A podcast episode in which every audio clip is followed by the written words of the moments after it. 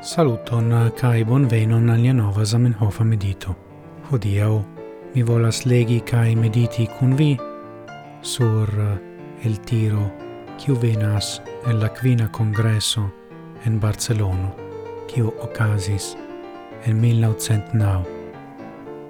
La el tiro venas el pagio 391.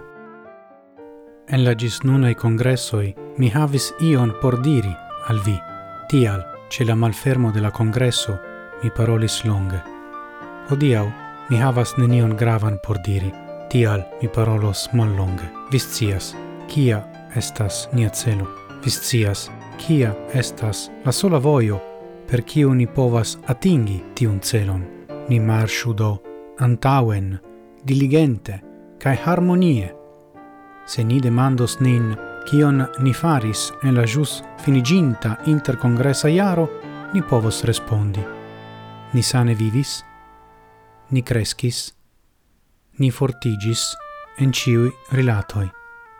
Cian grandan signifon tio havas, tion povas compreni nur tiui, ciui comprenas la tutan gravezon cae malfacilezon de nia afero, cae ciui mem laboris por gi.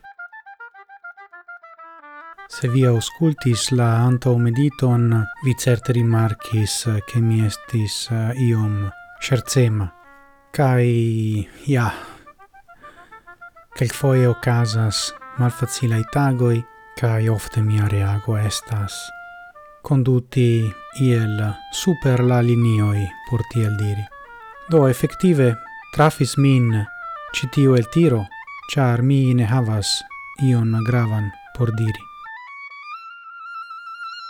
Kai mi pensas che tiu deviso che ni same vivis, ni crescis, kai che ni fortigis en ciui rilatoi, vera estas tauga por citiu nova covime poco. Do ni cun meditu per tio.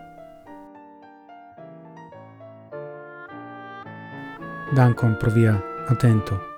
Gis morgau, kai kiel ciam, antauen sen fine.